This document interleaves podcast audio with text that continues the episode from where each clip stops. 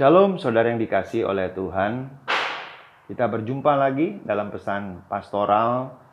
Saya mengingatkan kembali bahwa pada bulan Juni saya akan berbicara tentang keluarga. Nah, hari ini saya mau berbicara tentang keluarga dalam konteks berbeda untuk saling melengkapi. Saya ambilkan dari firman Tuhan Kejadian pasal 1 ayat 27 sampai 28.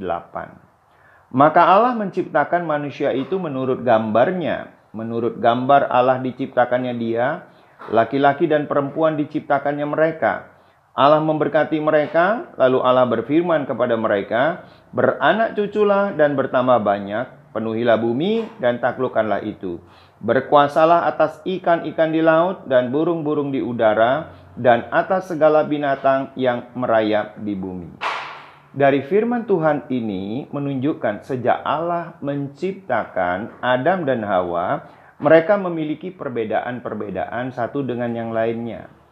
Alkitab secara terbuka menyatakan bahkan bahan bakunya berbeda.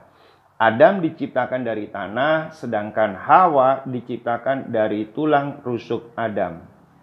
Nah, tetapi setelah manusia memberontak kepada Allah, maka perbedaan dalam kehidupan manusia sering menjadi sumber konflik di dalam keluarga.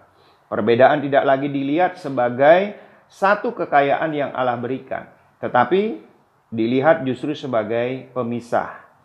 Jika kita menyadari bahwa Tuhan menciptakan manusia berbeda dari awalnya, Seharusnya kita dapat menerima pasangan kita, rekan-rekan kita apa adanya. Demikian juga suami istri, walaupun mereka saling mengasihi, tetapi banyak perbedaan-perbedaannya. Perbedaan tersebut dapat terjadi karena perbedaan latar belakang, kultur, nilai yang dimiliki, lingkungan pendidikan, dan lain sebagainya. Nah, sebab itu suami dan istri harus membangun jembatan yang tujuannya agar suami istri yang berbeda dapat berkomunikasi dengan baik. Sehingga dua pribadi dapat saling menolong dan saling menopang. Nah, saudara kita perlu tahu perbedaan-perbedaannya apa saja antara laki dan perempuan. Yang pertama, perbedaan secara teologis. Perhatikan di dalam kejadian pasal 1 ayat 27. Maka Allah menciptakan manusia itu menurut gambarnya, menurut gambar Allah diciptakannya dia, laki-laki dan perempuan diciptakannya mereka.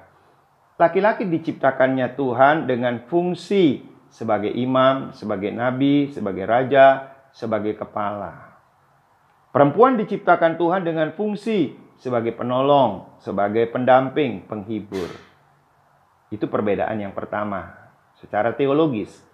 Perbedaan yang kedua secara psikologi, kejiwaan. Nah, apa yang berbeda? Jiwa itu terdiri dari pikiran, perasaan, dan kemauan. Perbedaan kinerja otak. Laki-laki pada umumnya memakai otak kiri, yaitu apa? Logika dan perhitungan. Sedangkan wanita memakai otak kanan, kreativitas dan emosi. Perbedaan yang kedua secara psikologis adalah emosi wanita lebih baper dibandingkan dengan laki-laki. Perbedaan yang ketiga adalah perilaku. Laki-laki lebih simpel dalam menanggapi segala sesuatunya, sedangkan wanita lebih ribet. Nah, perbedaan yang ketiga adalah perbedaan secara biologis. Apanya yang berbeda? Postur dan bentuk tubuh, alat kelamin, dan genetik. Nah, kalau kita mengetahui perbedaan-perbedaan ini, seharusnya kita dapat menerima apa adanya. Mari kita berdoa kepada Tuhan. Bapa, kami sekarang memahami bahwa laki dan wanita itu diciptakan berbeda.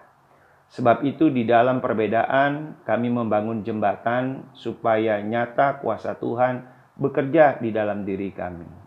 Di dalam perbedaan ada karya agung Kristus yang luar biasa di dalam diri kami. Ajar kepada kami saling merendahkan diri, suami istri, supaya nama Tuhan yang dipermuliakan, hukum-hukum Tuhan yang diberlakukan di dalam nama Tuhan Yesus. Amin.